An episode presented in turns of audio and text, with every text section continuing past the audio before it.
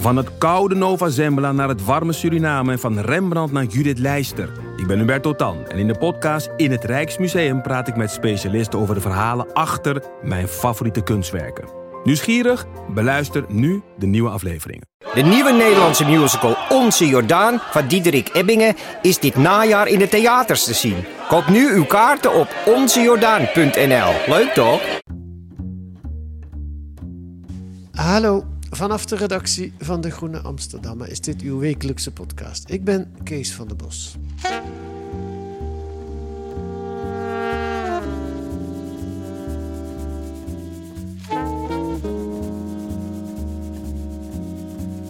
Het Hongarije van Viktor Orbán is vaak in het nieuws. Orbán als de grote dwarsligger in de Europese Unie. Onlangs hield hij met zijn veto een steunpakket voor Oekraïne tegen. Pijnlijk, pijnlijk. Europa weigert tientallen miljarden steun waar Hongarije recht op heeft uit te betalen als drukmiddel om Orbán te dwingen corruptie te bestrijden en een verbetering van de rechtsstaat te bewerkstelligen. Minder bekend is dat Boedapest de hoofdstad is, ook wel het centrum van het ultraconservatieve denken. Marijn Kruk, journalist en gespecialiseerd in dit neoconservatieve denken, schrijft daarover deze week in De Groene. Dag Marijn, welkom in de podcast. Hallo. Dat mag toch wel zeggen dat jij gespecialiseerd bent in dat neoconservatieve denken? Nou, ja, onder de hand wel inderdaad. Ik ben er nou wel een aantal jaar mee bezig. Ja, een jaar of drie geleden zat je hier ook in de podcast. Klopt. Toen met een mooi profiel van Viktor Orbán. En ook in dat profiel kwam al naar voren hoe hij in Hongarije werkt aan een heel netwerk. Nou ja, waar we het vandaag uitgebreid over gaan hebben. Ehm Boedapest als broedplaats van het populistisch denken. Zeker.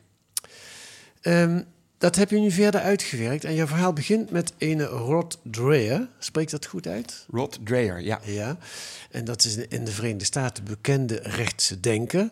Eh, en we gaan nu naar hem luisteren in een toespraak twee jaar geleden voor het National Conservative Conference, NatCon. Ik kende dat eigenlijk niet, ken jij dat? Of heet het CPAC? Want je hebt er een aantal. Nee, die bestaat ook. Nee, deze is volgens mij in Engeland georganiseerd door het Burke eh, Institute. Oké, ik ken hem niet meer. Oké, een jaarlijkse bijeenkomst van conservatieven over de hele wereld. En meneer Dreyer sprak de conservatieven toe. This past spring and summer, I worked in Budapest on a fellowship at the Danube Institute. I was there for about 10 days before I realized that 90% of the Western media reports about Hungary are either lies or at least serious distortions of the truth. I already knew from my reading and reporting that Hungary was not a neo fascist state as the smear doctors and the Western media insist. What I didn't know until I actually lived in Budapest for a time was how far the reality is from the dominant Western narrative about Hungary. Now, Hungary is a normal country, not a perfect one. Still, there are plenty of good things going on here and lessons that American conservatives can learn and should learn from the way Prime Minister Viktor Orban and the Fidesz party govern their country. Hungary is an important ally to us, one that needs and deserves our support to help establish Budapest as an intellectual capital for the anti woke national conservative movement.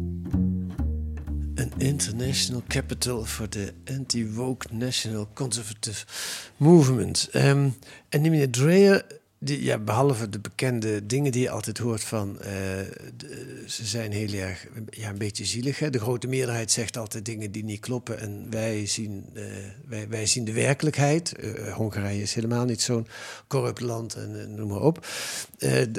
Hij had het over Danube Institute. Dat ken je ook, hè? Het is het Danube. Dus eh, het, het Engelse woord voor Donau. Oké. Danube. Oké. Eh, ja. Vertel daar eens wat over. Nou, dat is begonnen, dat is eigenlijk gesticht door een eh, Brit, John Sullivan. Die heb ik ook bij een vorig bezoek ontmoet. Hij, was, hij was adviseur van Margaret Thatcher. Hij heeft haar memoires geredigeerd. Hij was hoofdredacteur van National Review. Dat is een heel bekend Amerikaans conservatief weekblad. En eh, na zijn pensioen is hij in Boedapest neergestreken. En dacht hij van, eh, dit is eigenlijk een... eh, is een mooie plek om hier zijn denktank op te richten. En die begon eigenlijk klein, op een soort van etage vlak naast het parlement. En nu zetelt hij in een gigantische villa aan de overkant van de Donau. met een groot uitzicht over die Donau en op het parlement. Het gaat hem goed. Het gaat goed met het Danube Instituut. Die worden ook, krijgen ze geld van de Hongaarse overheid? Of hoe? Ja, ze krijgen geld eh, via een stichting. Eh worden ze ja, zeg maar, gefinancierd door de Fidesz-regering. Dus Fidesz is de partij van eh, Viktor Orban. Ja. En die Rod Dreher, die is een tijdje fellow geweest. Nou, dat is hij nog steeds. Hij was, eerst was hij gekomen eigenlijk op een soort tripje met een aantal Amerikaans conservatieven. En toen heeft hij daar, het, ja, het jaar erop, eh, ja, toen heeft hij daar een aantal maanden gezeten. En toen beviel het hem eigenlijk zo goed dat hij nu er zeg maar, permanent eh, zit.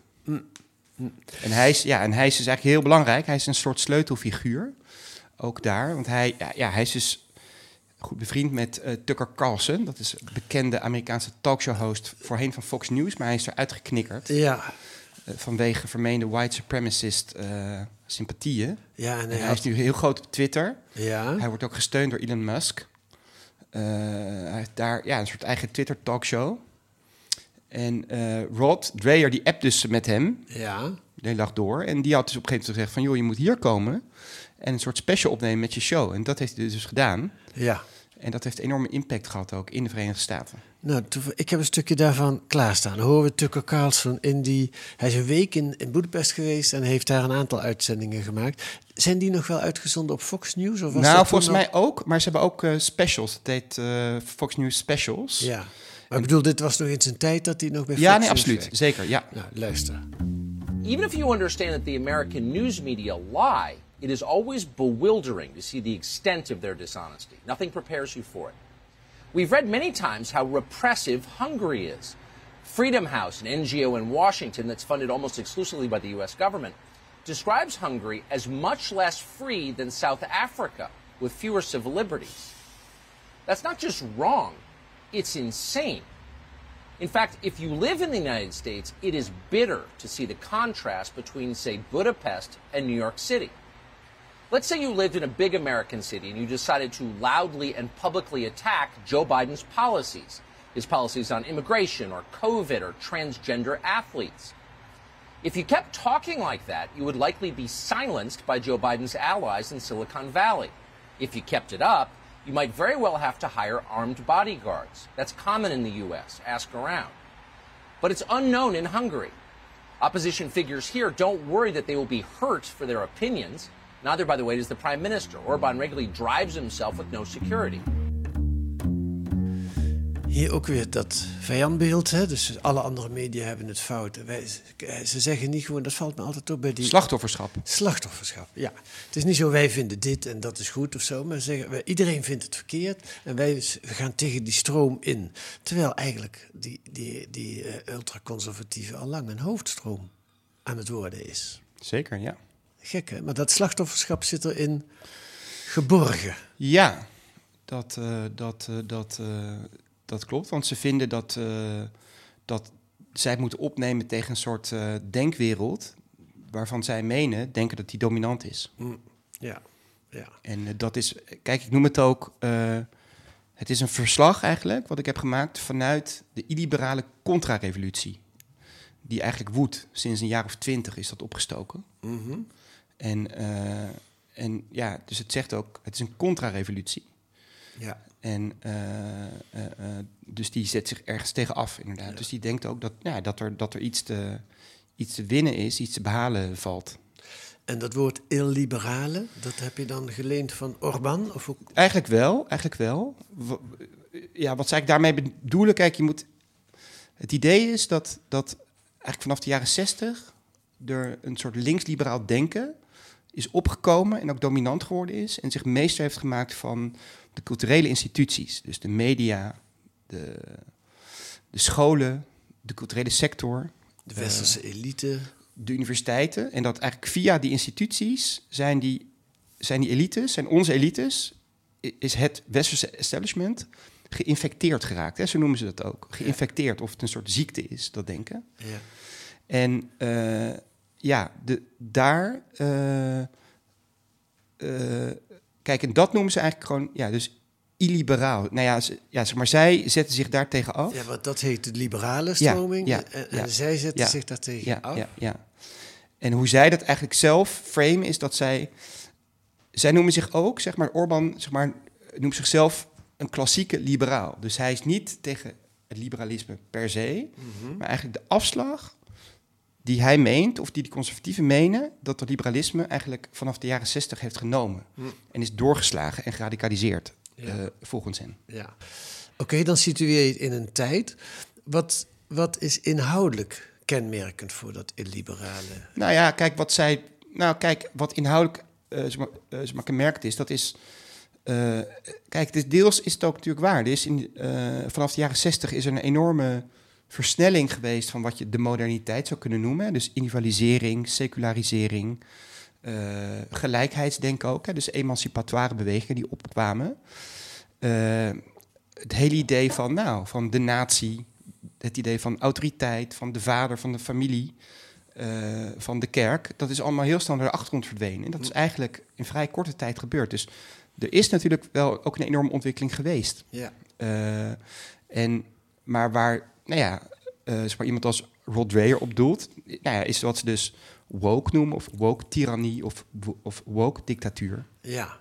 En eh, kijk, en dat zou je eigenlijk, want in die zin is het wel een echte contra-revolutie, eh, zoals we die eigenlijk kennen. Hè? Want we hebben, kennen eigenlijk een, een, ja, een ruim twee eeuwen lange contra-revolutionaire denktraditie in, in Europa.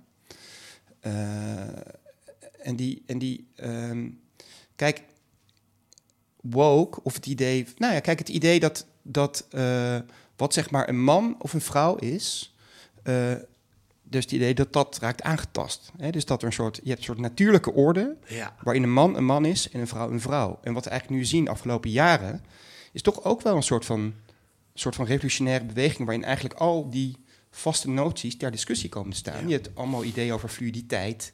Je hebt een debat over eh, zeg maar, transgenders. En in zekere zin is dat heel bedreigend voor die natuurlijke orde. Of voor, ja, gewoon voor wat zij zien als die natuurlijke orde. Ja. Waarin een man een man is en een vrouw een vrouw. Ja. En de kerk, de kerk. En Precies. De, de, de staat, de staat. En de natie, de natie. Zoals dat in de jaren 50 ook nog meer Zeker. was. En zoals dat in, Exact. in, Ja. zoals jij beschrijft ook is gaan wankelen of is gaan veranderen na de jaren 60. Ja, ja. En eh, precies. En, en kijk, en dat wordt als. eh, ja, door dat, ja, zeg maar, door het illiberalisme, wat ik dan die illiberale contra-revolutie noem, eigenlijk zo voorgesteld dat woke of het een existentiële bedreiging is voor, ja, voor ons, dus voor de westerse beschaving, voor Ja. het Westen. Ja, ja, ja. In Amerika is dat ook heel sterk. Hè? Zeker. In, in Nederland ook wel, maar iets minder. Ja, maar dat komt denk ik in Amerika omdat eh, dus die religieuze orde nog eh, veel, meer, ja, veel intacter is dan bij ons, in zekere zin. Er is daar meer te verliezen. Ja. Oké, ga ik weer terug naar Boedapest als, als broedplaats van dit denken. Ja, ik ga nog één ding pakken van Tuck- Tucker Carlson. Want dat, dat hoorde ik ook bij eh Wiert Duk in zijn podcast, die, die jij ook even noemt in, eh, in jouw artikel. Ehm, die vertelde hetzelfde, die was ook naar Hongarije geweest en die zei, ze mopperen er allemaal wel op, maar weet je, je kan daar gewoon nog s'avonds over straat. Je kan ook als jood met krullen en een keppeltje op en je, je kunt als homo's elkaar met de hand kun je over straat. Nou, doe dat maar eens in Amsterdam.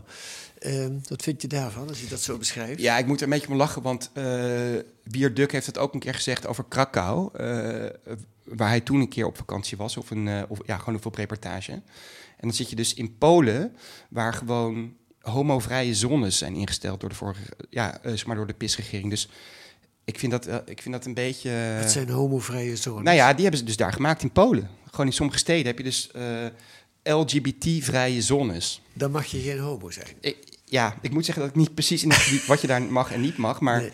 ja, eh, het is niet heel eh, verwelkomend in elk geval. Ja. En Tucker Carlson zegt maar, het ook, hè? Ja, maar ik wilde eigenlijk waar het om gaat, en dat ik had er ook een gesprek over met eh, Frank Furedi. Hij is de, hij is directeur van, eh, ja, van een pro-Orban denktank in Brussel, MCC. Ja. Eh, MCC staat voor... Heb ik het eh, opgeschreven? Matthias. eh, College, dus laatste, Corvinus Colle- Ja. Collegium. ja, Ja? Dat is iets uit de jaren negentig en dat is nu eigenlijk meer, nou ja, zeg maar, dat heeft de huidige regering zeg maar, dus meer naar zich toegetrokken Ja. en getransformeerd tot een soort propaganda-instrument. Ja. en eh, Dat is ook een soort rechtse denktank. ja, zeker. Dat Ja. staat ten dienste ook van de regering. En dat, eh, dat wil een jonge conservatieve elite eigenlijk eh, opleiden. Ja. En eh, kijk, als je s'nachts over straat gaat en daar allemaal dingen kan... Kijk, je moet eh, eh, de, de, de, zeg maar, de betekenis van die woorden... dat je daar s'nachts over straat kan... dat vrouwen daar eh, eh, later over straat kunnen... dat homo's hand in hand kunnen lopen... dat joden eh, daar zich niet bedreigd hoeven voelen... De betekenis ligt ervan aan wat er niet wordt gezegd. Namelijk, er wordt niet gezegd dat ehm, er dus... Want bij ons kan het zogenaamd niet, omdat er namelijk dus ja, zeg maar Marokkaanse immigranten zijn die dat allemaal verstoren. Ja. Zeg maar, dat is de, ja, de subtekst van Ja. die opmerking. ja, en Orbán heeft de islamieten buiten gehouden. Die heeft er gewoon geen binnen gelaten. Dat is heel knap van hem dan. Ja, nou ja, dat, eh, nou ja, Nee, dat, zo een- ja, zeker. Ja, ja. Want je hebt een. Maar eigenlijk, het- eigenlijk, nou, ook? kijk, eigenlijk, en dat zit natuurlijk ook onder.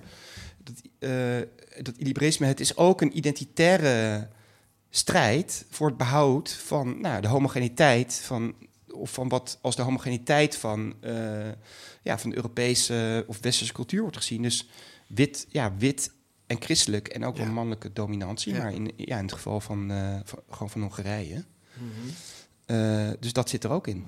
Maar toch nog even heel precies. hè. Heel precies. Tucker Carlson zegt het ook. Hè. Als ik in, ja, hij, hij roept dan eerst een angstbeeld op. Als ik in New York ga zeggen, ik ben het heel erg oneens met Biden, dan moet ik bewakers om me heen hebben. Waar hij dat precies vandaan haalt, weet ik niet. Maar dat komt me niet helemaal, niet dat ik vaak in New York geweest ben, maar dat komt me niet bekend voor. Maar in Hongarije, in Boedapest, kan ik op straat rustig roepen dat ik het helemaal oneens ben met Orbán en dan, dan, dan is er niks aan de hand. Ja, Wat vind je daarvan? Ja, dat weet ik niet. Dat, dat, ja, dat, ja, wat is je vraag? Wat, wat, eh, Nou ja, is het. Dus hij, hij, hij, geeft dat voor, als voorbeeld van de vrijheid die er eigenlijk heerst in Hongarije. Ja, maar dat is wel echt een sentiment wat ik dus... Ik heb daar, eh, ik heb daar veel mensen gesproken, dus die daar eigenlijk, eh zeg maar, buitenlandse fellow travelers... Hè, dus ook iemand eh, die heet Erik, eh, ja, gewoon Erik Hendricks, dat is een Nederlander. Die zat ook aan dat Don, Donabue. Donab, Danube. Danube, sorry. Danube. Instituut. Danube, ja. instituut. Donau Instituut. Het Donau-instituut, laten we het zo noemen. Daar kan ik meer mee overweg. Ja, En, Erik eh, Hendricks. nou, en die, en die hebben het er wel allemaal, dat zij gewoon, zij ervaren daar ook. En ik heb er ook nog, eh, ook nog wel anderen die dus niet per se bij Orbán eh, zitten, maar die echt, echt ultra-recht zijn. Ja, die, ja, die voelen zich daar een soort van of ze daar adem kunnen halen, of ze daar gewoon kunnen floreren. Zij hebben dat sentiment. Mhm. Good for them. Ja. Maar heb jij het ook als jij eh, eh, eh, door Boedapest loopt? Dat je Ah, dat ik dan denk van, ah, ik kan nu eindelijk mijn illiberale, eh, ja, zeg maar radicaal rechtse onderbuik laten spreken. Nee, nee, dat bedoel ik niet. Maar voel je je, voel je, je veiliger dan in Amsterdam? Nou, ik voel me niet onveilig in Amsterdam. En ik voel me ook niet, ja... Ja, het is mij niet er, erg opgevallen dat het heel veilig was of onveiliger. Ik bedoel, als je, als je buiten het centrum van, als je buiten het directe centrum van zeg maar, Boedapest komt, zijn er ook hele arme wijken. Ik, ik ben daar wel geweest. Eh, het is ook allemaal niet zo heel feestelijk hoor. Ja. Ik bedoel, je hebt natuurlijk een heel mooi gerestaureerd centrum eh, van die, ja, gewoon van die laat 19e eeuwse secession-architectuur. Het is ook prachtig, dat, eh, maar het, is, het is natuurlijk niet de hele werkelijkheid. Ja, ja.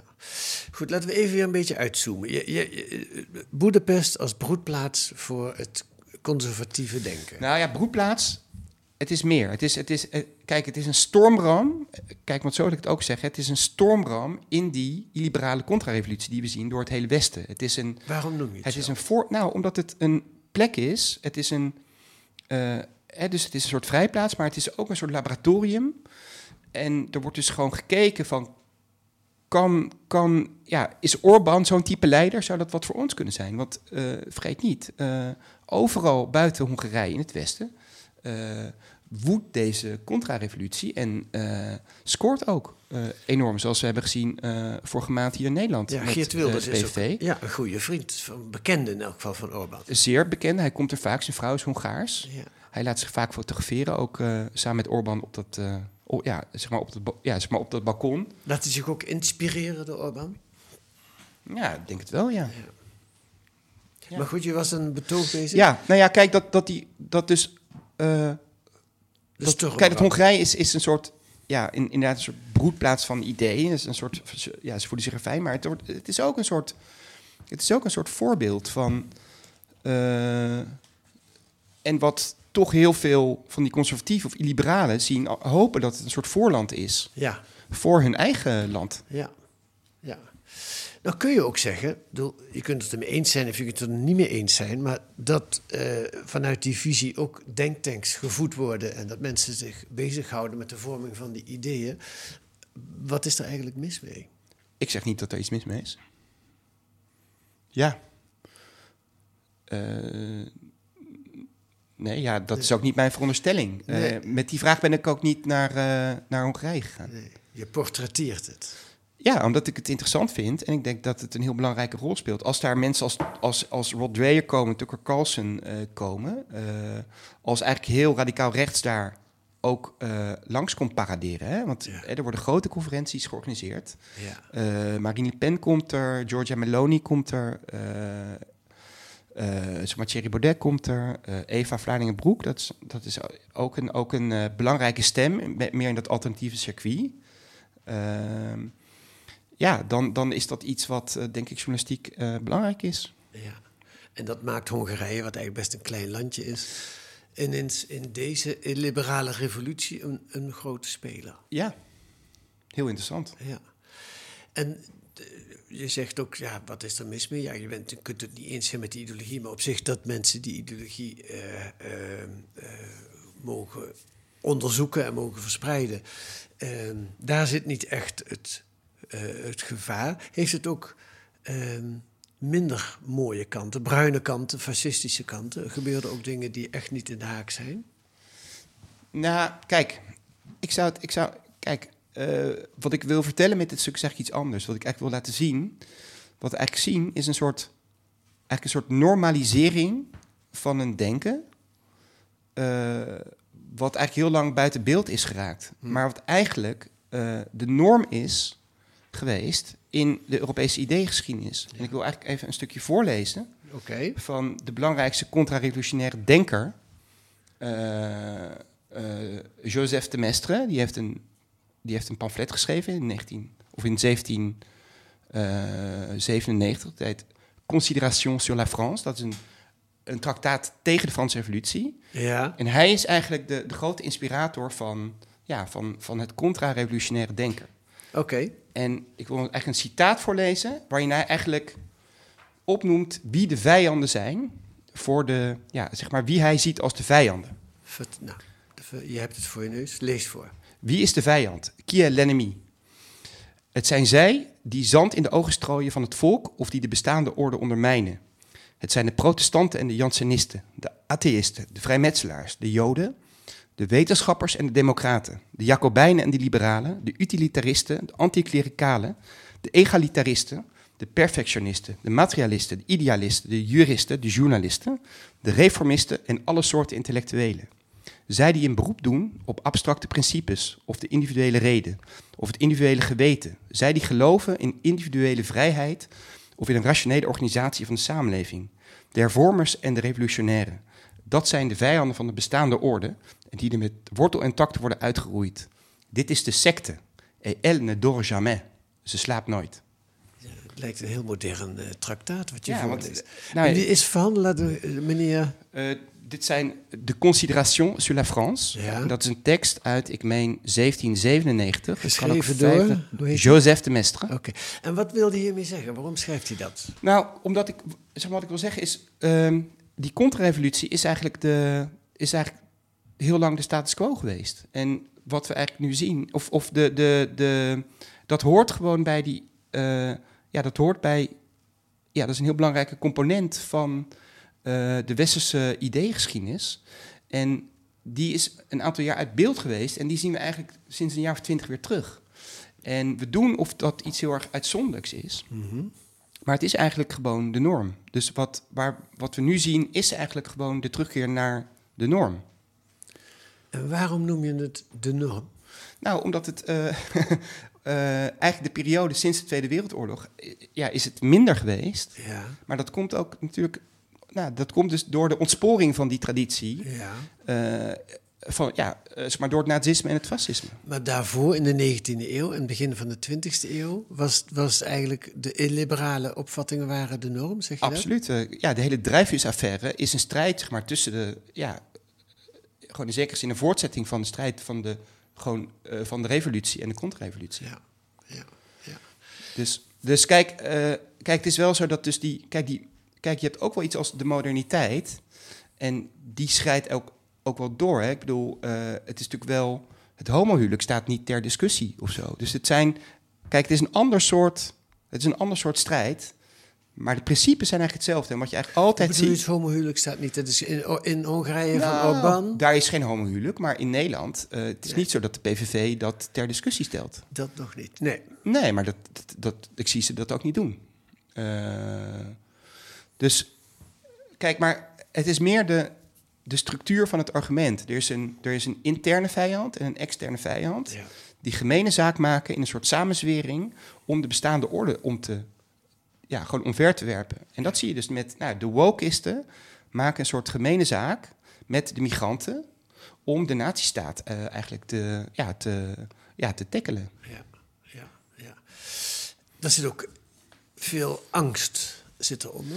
Ja, het is een, ja, het is een existentiële angst. En veel, veel linkse mensen begrijpen niet hoe, hoe, hoezeer dit wordt gedreven door een soort existentiële angst. Als jij echt denkt dat eh, de, ja, dus de, de, ja, dus de wokisten van de afdeling eh, vergelijkende literatuurwetenschappen van de UvA jouw cultuur gaat, eh, gaat, gaat, gaat, gaat ja, gewoon omver zal werpen. Ja. Of als je echt denkt dat die 18.000 eh, zeg maar, asielzoekers eh, die in de noodopvang zitten, eh, ja, onze samenleving omverwerpen ook, of, of gewoon zo fundamenteel zullen veranderen, ja, dan, dan heb je te maken met een existentieel gevaar. En, dat, en er gaat toch een grote mobiliserende kracht vanuit. Ja. Oké, en de kern van jouw betoog eigenlijk is dus niet alleen Boedapest als broedplaats, maar ook een soort, je ziet ook een lijn die teruggaat naar verder het verleden Ja. van, van Ja. de westerse democratieën. In het Westen zelf, maar ook daarbuiten. Want ik maak ook de vergelijking met Orbán, of ook met Poetin. En daar zie je het ook. Het is, het is eigenlijk het idee dat. eh, wat, wat, het is het idee dat, dat, dat links, hè, dat de wokisten, dat links, gewoon het linksliberale, de, ja, de, eh, ja, de samenleving heeft ontzield. Hè, die heeft met een abstract denken, hebben ze de ziel eigenlijk weggehaald uit de westerse beschaving. Wat was de ziel? Nou ja, dat is gewoon eh, de Europese cultuur, de Europese traditie. De Eh, nazistaat, het christendom. geloof, het Ja. christendom. Eh, en, en, en dus het is een strijd en die is eigenlijk wereldwijd. En dat verbindt in zekere zin Orbán met Wilders, met Poetin, met Trump, met radicaal rechts in Amerika. Het is een strijd voor een soort voor, voor ja, zeg maar tegen wat zij zien als de ontzieling van de eigen traditie en de eigen cultuur. Oké, Marijn Kruk, dankjewel voor dit, eh, dit interessante verhaal, voor je mooie artikel. Eh, deze week te lezen in De Groene Amsterdammer. Tot de volgende keer. Graag gedaan.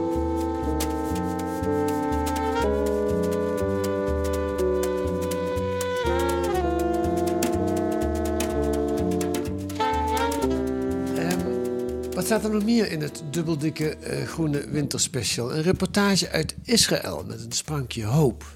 Want Israëlische academici en diplomaten werken met Palestijnse, Amerikaanse en Arabische geestverwanten in het geheim aan een gezamenlijke oplossing en een betere toekomst voor Joden en Palestijnen. En een interview met de filmmaker Ken Loach, die uitblinkt in sociaal-realistisch drama. Over en met gewone mensen. Nu is daar zijn allerlaatste film, The Old. Ook mooie titel voor een laatste film. Dat kun je lezen met een abonnement of een proefabonnement. Ga dan naar groene.nl. Daar wordt uitgelegd hoe je 10 weken de groene krijgt voor 15 euro. Wil je reageren op deze podcast, dan kan dat via de mail podcast.groene.nl. Volgende week zijn we er weer met analyses en achtergronden bij het nieuws in deze podcast van de Groene Amsterdammer. Dan gaan we naar Venezuela, kan ik alvast verklappen. En deze week werd de podcast gemaakt door Mats Koeper en Kees van der Bos. De muziek is het Tune van Paul van Kemenade. Tot volgende week.